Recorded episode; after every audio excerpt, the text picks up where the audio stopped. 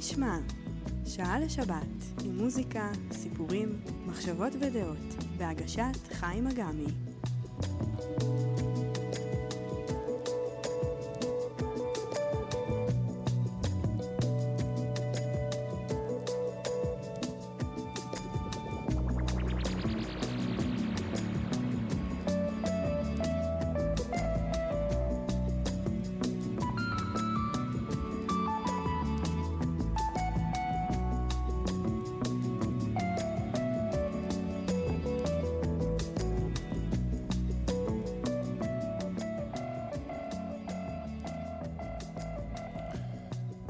שלום לכם, מאזינות ומאזינים. אתם על אה, רדיו כל הגליל העליון, 105.3 FM. אני חיים אגמי, אנחנו בתוכנית מי ישמע. השבוע רצה הגורל ונפלנו על ט"ו באב. ולכן uh, התוכנית תהיה מוקדשת ליום הזה. אנחנו נתעסק עם uh, דברים קצת עמוקים ודברים רדודים. כרגיל, בחיים. ונתחיל עם סיפור על uh, אהבה מסריחה מאוד. זוג צעיר החליט להינשא. אך ככל שהיום הלך והתקרב, כך גדל בהם החשש. לכל אחד מהם הייתה בעיה שמעולם לא חלק עם איש, אפילו לא אחד עם השני. כדי להתגבר על הפחד ההיסטרי שלו, החליט החתן לעתיד להתייעץ עם אביו. אבא, אני מודאג מאוד לגבי ההצלחה של הנישואים שלי. מדוע? שאל האב. אתה לא אוהב את הבחורה? כן, מאוד, ענה החתן, אבל יש לי כפות רגליים מאוד מסריחות ואני חושש שאם היא תגלה את זה, זה יבריח אותה. זו לא בעיה, ענה האב. כל מה שאתה צריך לעשות זה לרחוץ את כפות הרגליים שלך לעיתים קרובות ותמיד לגרוב גרביים, אפילו כשאתה ישן. אוקיי, ענה הבן, שווה לנסות. כדי להתגבר על הפחד ההיסטרי שלה, החליטה הכלה לעתיד להתייעץ עם אמא שלה. אמא, אני מודאגת מאוד לגבי הצלחת הנישואים שלי. מדוע, יקירה? שאלה האם. את לא אוהבת את הבחור? אני מאוד אוהבת אותו, ענתה. הבעיה היא שכשאני מתעוררת בבוקר יש לי ריח רע בפה ואני פוחדת שזה יבריח אותו. אבל מתוקה, לכולנו יש ריח רע בפה כשאנחנו מתעוררים. האם ניסתה להרגיע. לא, את לא מבינה, הסבירה הבת. ריח הפה שלי ממש נורא ואני חוששת שהוא לא ירצה לישון איתי באותו החדר. זו לא בעיה, הציעה האמא. בבוקר כשאת קמה מהמיטה, גשי מיד לחדר האמבטיה וצחצחי את השיניים. המפתח הוא לא לומר מילה עד שאת מצחצחת שיניים. אני לא צריכה להגיד בוקר טוב או משהו? שאלה הבת. אף לא מילה. אוקיי, ענתה הבת. שווה לנסות. הגיע היום המאושר ובני הזוג התחתנו בשמחה, אך עצת הוריהם המשיכה להדהד בראשם. הגבר ישן תמיד עם גרביים והאישה לא אמרה מילה בבוקר. החיים התנהלו כך היטב, עד שיום אחד, אחרי חצי שנה, קרה מקרה. זמן קצר לפני עלות השחר, הבעל התעורר ולמרבה הפתעתו, גילה שגרב אחת נפלה לו. חושש מההשלכות, הוא החל לחפש אותה בנמרצות, מה שהעיר את האישה משנתה. מה אתה עושה? היא שאלה. אוי אלוהים, הבעל נחרד. בלעת את הגרב שלי.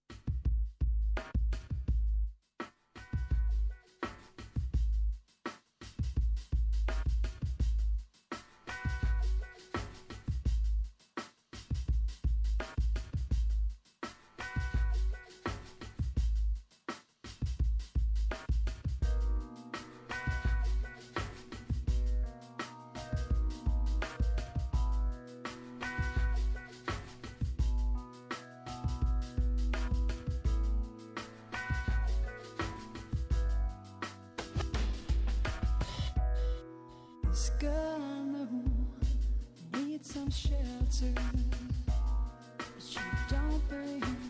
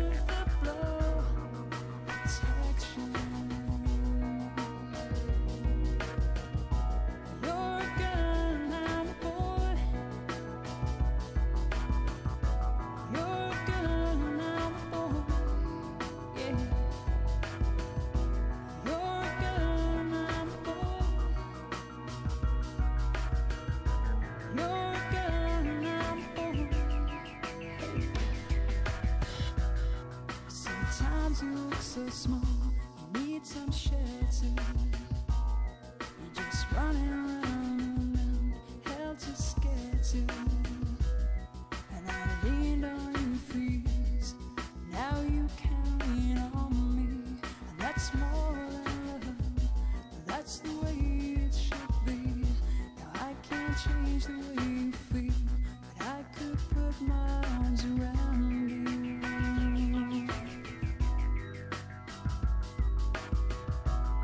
it's just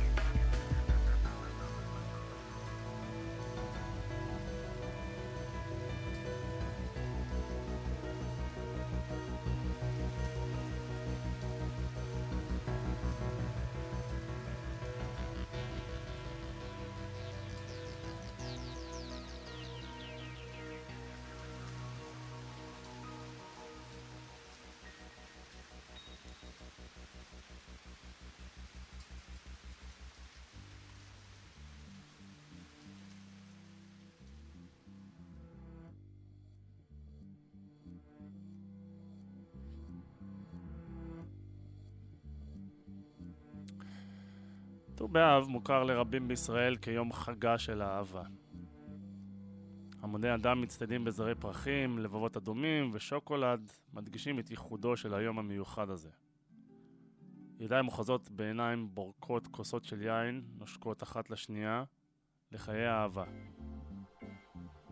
דומה כי מבון, מבין כל חגי ישראל, בהם אנחנו מציינים את הישרדותנו למול הקמים לכלותנו, אין חג הבא לציין משמעות רגשית עמוקה כמו ט"ו באב. יום זה אינו מקרי וקיים במסורת ישראל שנים רבות. בחודש זה חל אחד החגים היפים שחגגו אבותינו, חמישה עשר באב, המכונה בקיצור ט"ו באב. מצוין כיום הפיוס והאהבה בישראל. עדות לחג זה ניתן למצוא כבר במקרא בספר שופטים. בתקופות עבר נאסר על בת שירשה את אדמות אביה להינשא לבן שבט אחר כדי למנוע את זליגת האדמות שירשה לשבט אחר. אך בט"ו באב בוטל איסור זה. 15 באב הוא חג בציר הכרמים והמחולות. חג האיחוד בין כל שבטי ישראל וחג האהבה שבו באו זוגות רבים בברית הנישואים. בימי קדם נהגו בנות ישראל לצאת בט"ו באב לשדות ולכרמים כשהן לבושות בגדים לבנים שאולים על מנת שלא יהיה הבדל בין עשירה לענייה. הגברים שביקשו לשאת אישה היו יוצאים לשדות ולכרמים ומולם היה מתגלה מראה העלמות הצעירות הרוקדות ומחכות לבחיר ליבן. כשהיו מגיעים הבחורים, היו הנערות אומרות להם, שא עיניך וראה מה אתה בורר לך. אל תיתן עיניך בחיצוניות, כפי שנאמר כבר בתנ"ך, שקר החן והבל היופי. אישה יראת אדוני היא תתהלל. משלי ל"א, ל'. כפי המובא, לא היו ימים טובים לישראל כחמישה עשר באב, שבהן בנות ירושלים יוצאות בכלי לבן שאולין, שלא לבייש את מי שאין לו, ובנות ירושלים יוצאות וחולות בכרמים. ומה היו אומרות?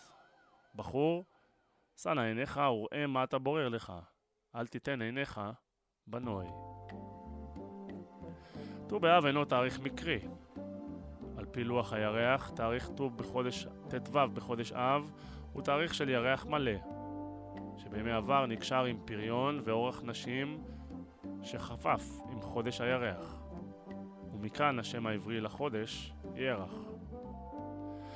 רבי חיים ויטל מלמד על הכוחות המיוחדים הפועלים ביום זה. כוחות זכריים ונקביים במלוא הדרם ועוצמתם המדגישים את הזיווג הרוחני והגשמי שבין עולמות עליונים לעולם הזה. מן ההיבט האסטרולוגי עולה כי השמש, המסומנת בקבלה ככוח זכרי, משפיעה ומגיעה לשיא כוחה בחודש אב, מזל אריה, לב ליבו של הקיץ ושל המזל עצמו. משכך, זהו היום בשנה העברית שבו הכוח הזכרי מתגלה במלוא כוחו והשפעתו. לעומתו, הלבנה, המסמלת את הכוח הנקבי בבריאה, היא זאת המכילה ומקבלת לתוכה. כשם שהירח אינו מאיר מעצמו אלא מחזיר את אור החמה, כך גם בני האדם כולם מקבלים מהבורא את האור המחיה. כמו שהשפע הרוחני מתגשם בעולם דרך מערכת הספרות, כך בעולם הגשמי שפע החיים מגיע מהשמש.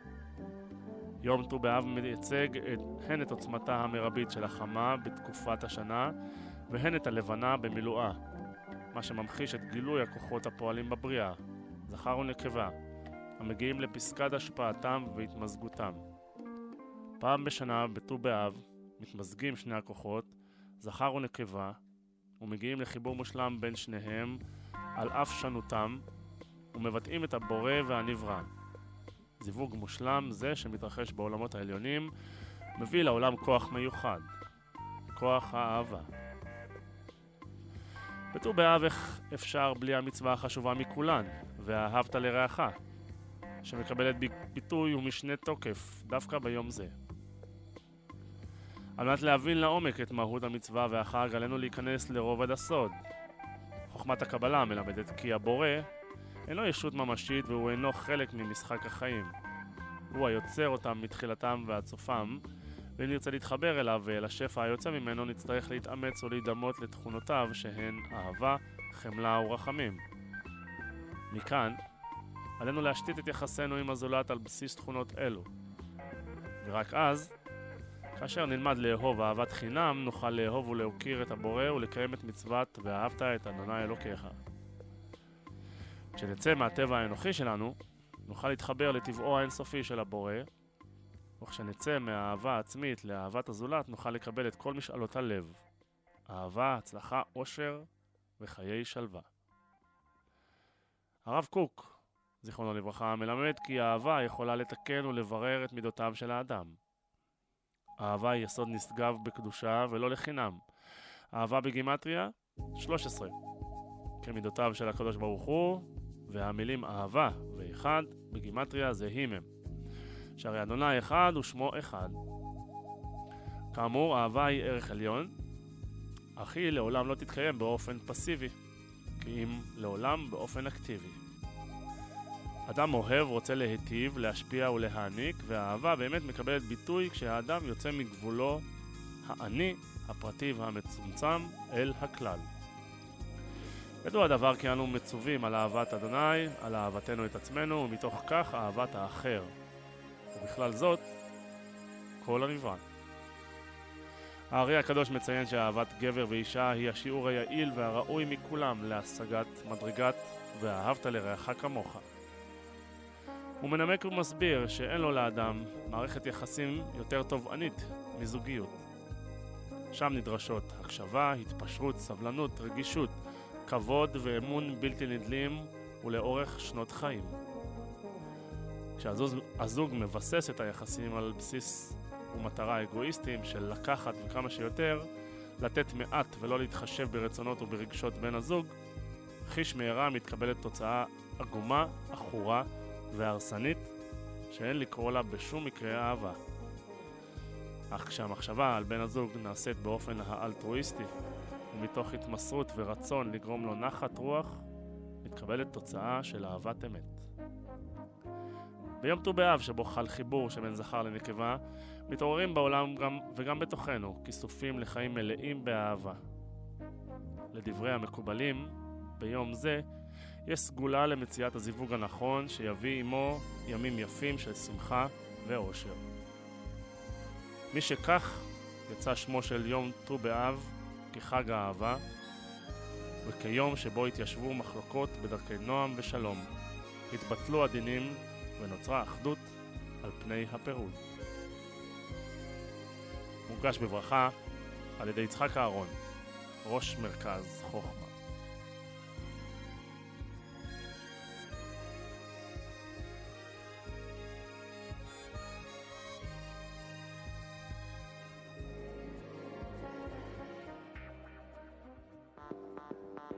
Thank you.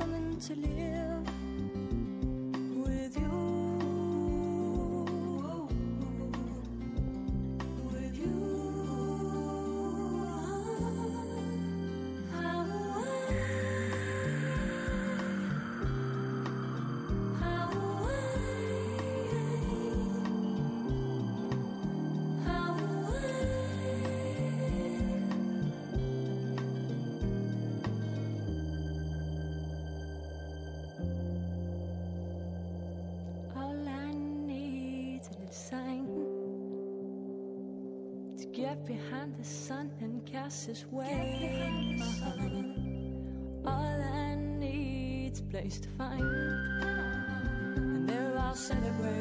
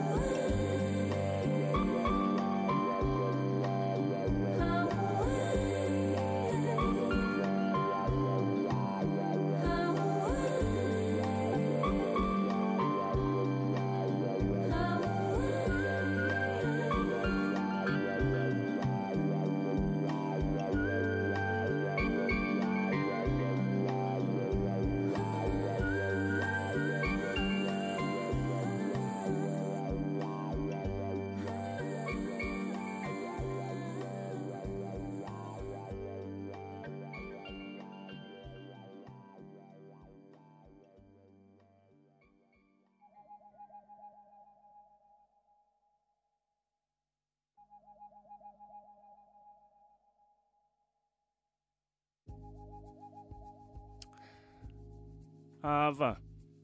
ג'ובראן חליל ג'ובראן. כאשר רומזת לך אהבה, לך אחריה. אף שדרכיה קשות ומכבידות. ואם כנפיה מרחפות מעליך, התכנס תחתן. אף שהחרב הנכבדת בין נוצותיה עלולה לפגוע. כאשר היא דוברת, האמן לדבריה. אף שקולה יהפוך בחלומותיך כרוח צפון בענפי הגן. האהבה תכתיר גם תוקיע, תרומם, אף תשפיל. היא אשר תרום למלוא גובהך, ותחבק אמיריך ההורגים לשמש. גם תשפיל רדת אל שורשיך הנאחזים בקרקע, ותזעזעם. כגבעולי חיטים תלקטך, תחבוט שיב... שיבוליך עד עירום תהיה, תטחן אותך עד דק, תלוש ותקלה, והיית לחם קודש לפולחן האל. כל אלה תעשה לך אהבה, לך. וידעת פשר לבבך, ובידיעה זו היית לניצוץ מחיי הלב.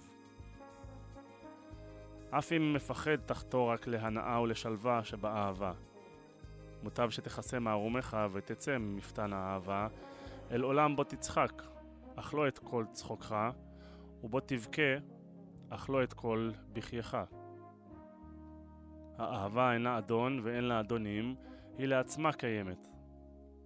כאשר אוהב אתה, אל תאמר אלוהים בליבי, אמור אני בלב האלוהים. לא אתה תכוון את דרכי האהבה, אלא היא, אם תמצאך ראוי, תכוון דרכיך. אין לה לאהבה שאיפה אלא להתגשם. אך אם אוהב אתה ושוקק לבך, יכול תוכל לרוך כפלג הזורם ורן שירו אל תוך הלילה. לדעת יסורי עדנת אין קץ, להיפצע בידיעתך את האהבה, להיות שוטט ברצון ובשמחה, להתעורר בלב נפעם ולהודות על עוד יום של אהבה. לנום לעת, לעת הצהריים ולהרהר בהתעלות הנפש שבאהבה.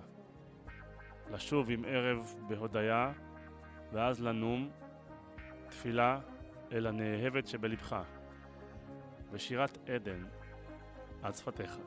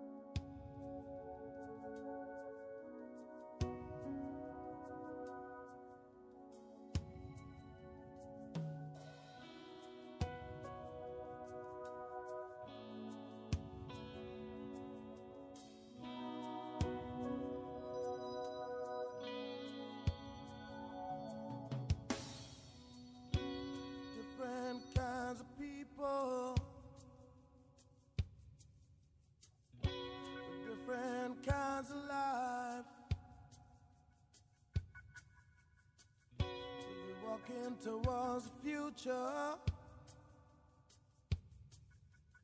with different sides.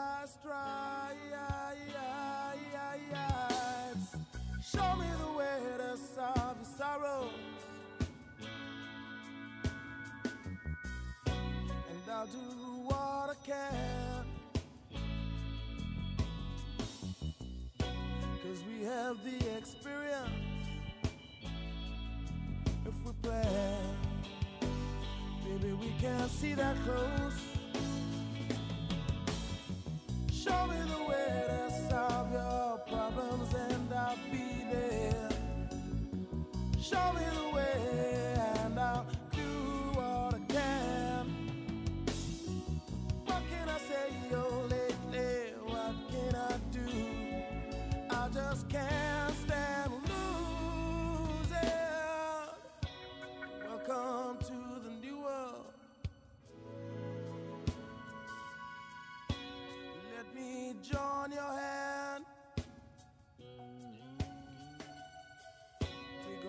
playing through the old world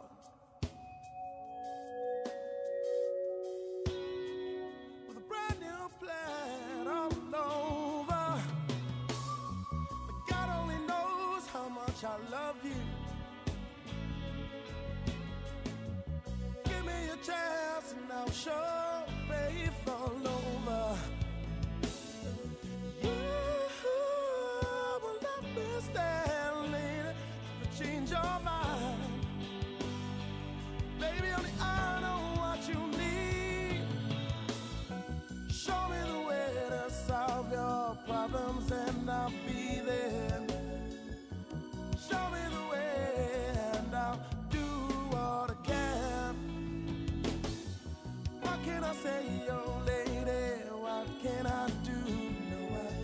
else can.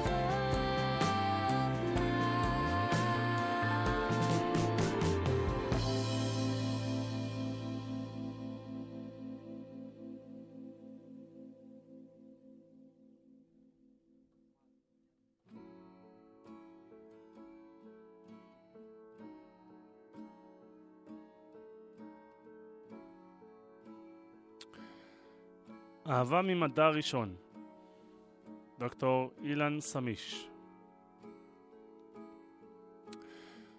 ט"ו באב הוא חג האהבה היהודי שחל בהפוגה שבין עונת הבציר והקטיף לעונת האסיף והחריש.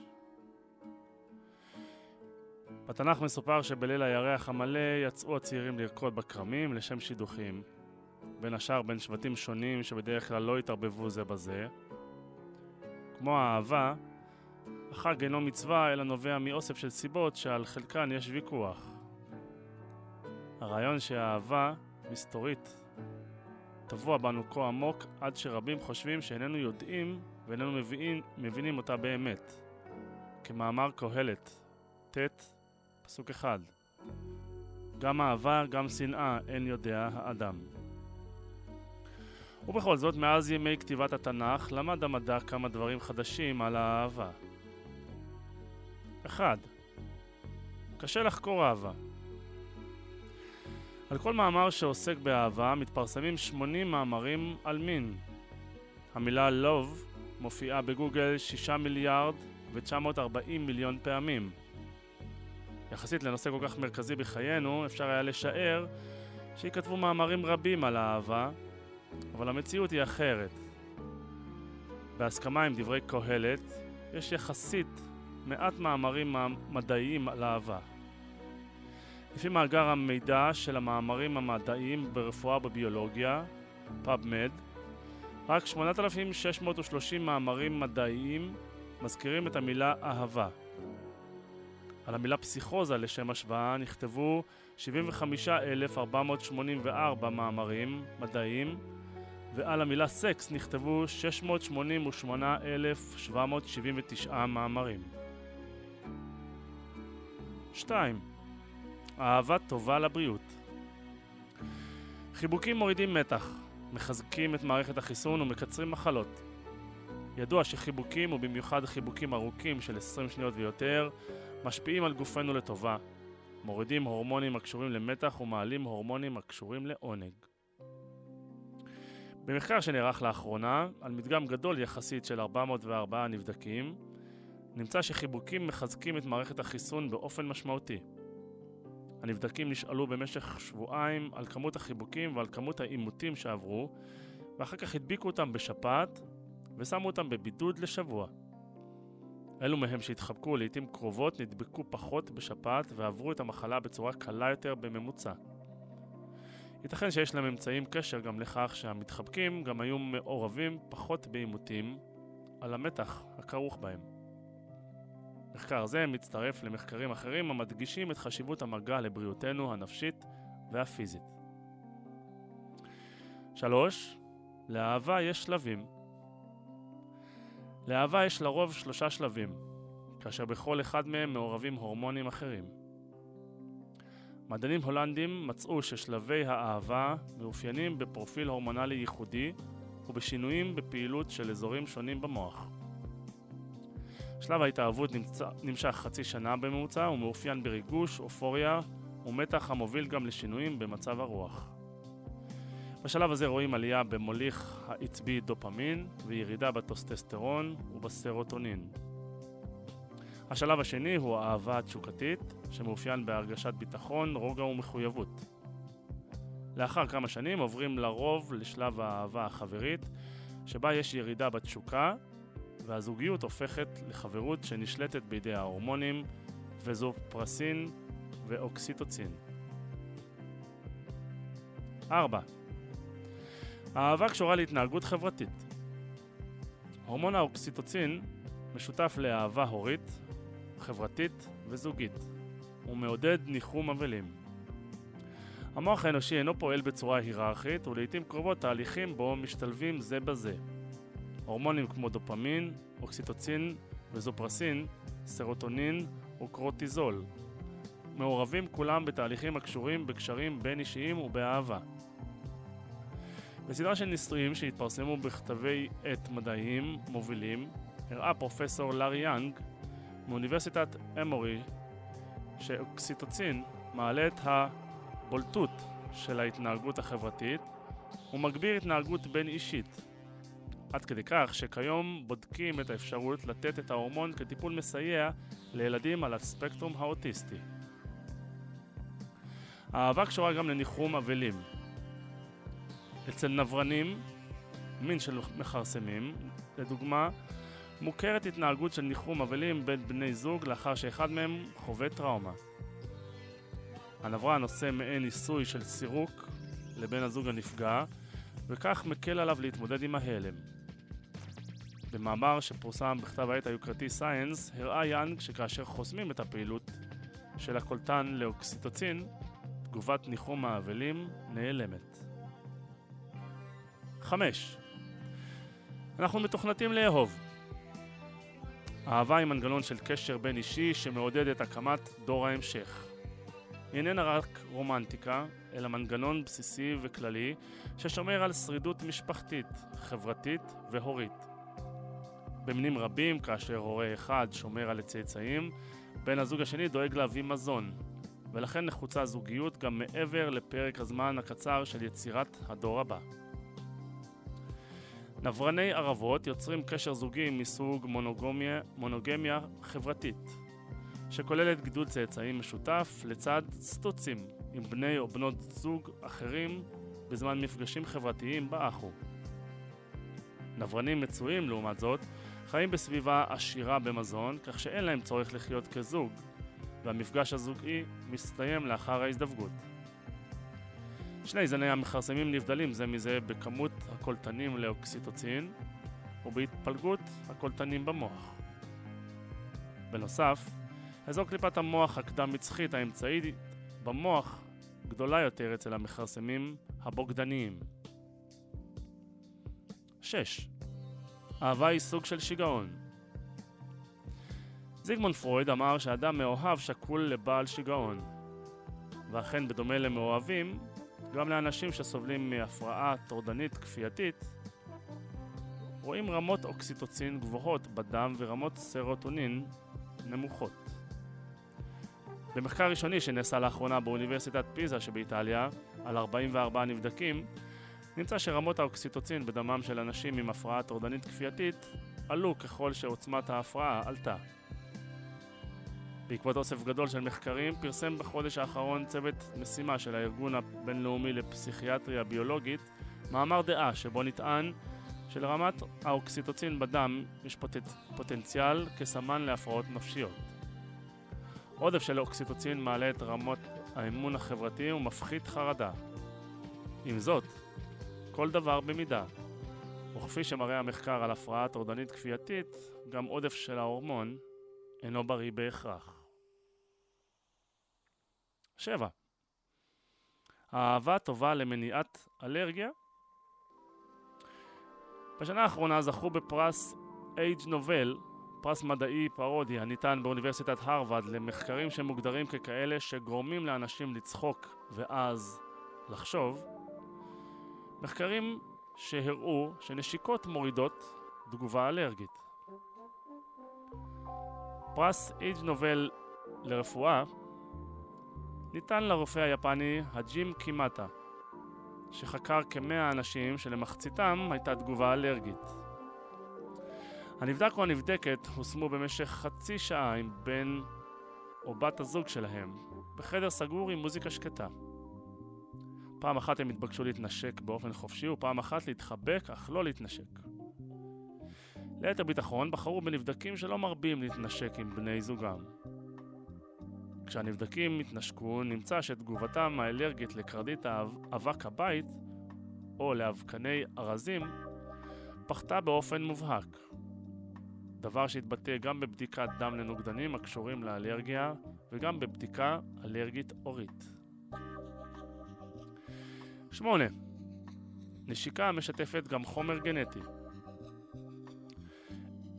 את פרס אייד נובל חלק כמעט עם נטליה קמודיובה וקבוצתה מהמכון לביו-רפואה מולקולרית שבאוניברסיטת קומניוס בסלובקיה. הפרס ניתן להם על מחקר שבמסגרתו ביקשו מתריסר זוגות להתנשק באינטנסיביות למשך שתי דקות לפחות. בנות הזוג נתנו דוגמת רוק לפני הנשיקה, וכן מיד לאחריה וכל כמה דקות במשך שעה. בכל דוגמה חיפשו שאריות של DNA מכרומוזום Y, הייחודי לזכרים, ועל כן שייך בהכרח, בהכרח לבן הזוג. המדענים דיווחו בכתב העת לרפואה משפטית בינלאומית שהם מצאו עקבות של DNA זכרי שעה שלמה אחרי הנשיקה. לא בדקו מעבר לזמן זה. אצל שליש מהנבדקים ה-DNA נשאר שלם ובכמות מספקת במשך עשר דקות לפחות כדי שהבדיקה הגנטית תוכל גם לזהות את בן הזוג המנשק. המחקר שבוצע עם מכון לרפואה משפטית נועד לבדוק אם אפשר לאתר שאריות של תוקף שמתנשק עם אישה נגד רצונה. עם זאת, מבחינה משפטית, עדיין אפשר לתהות מה קורה אם הנשיקה הכפויה נמשכת פחות משתי דקות, או שאינה אינטנסיבית עד כדי כך. 9. האהבה היא חגיגת שותפות גם לחיידקים שלנו. ידוע שנשיקות מסייעות לקשר הזוגי ואף מגבירות את ייצור הרוק, שעוזר בתורו להילחם בעששת.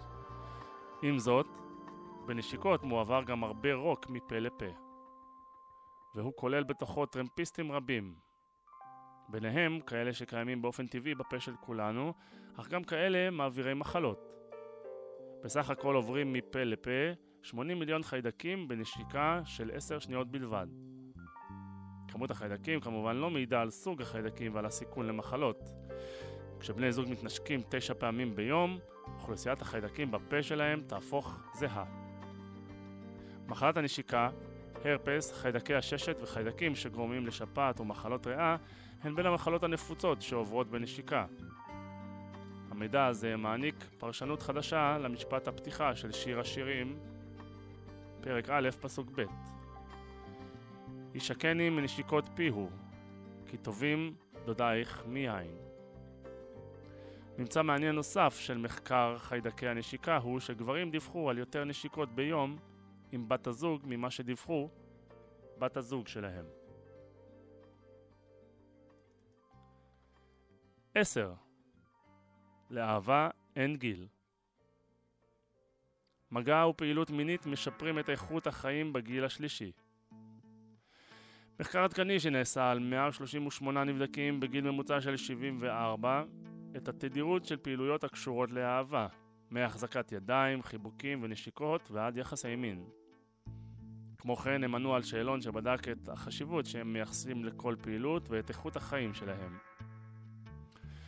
מהשאלון עלה ש-89% מהם התחבקו, 87% התנשקו ורק 75% החזיקו ידיים. ככל שעלו הכמות והתדירות של הפעילויות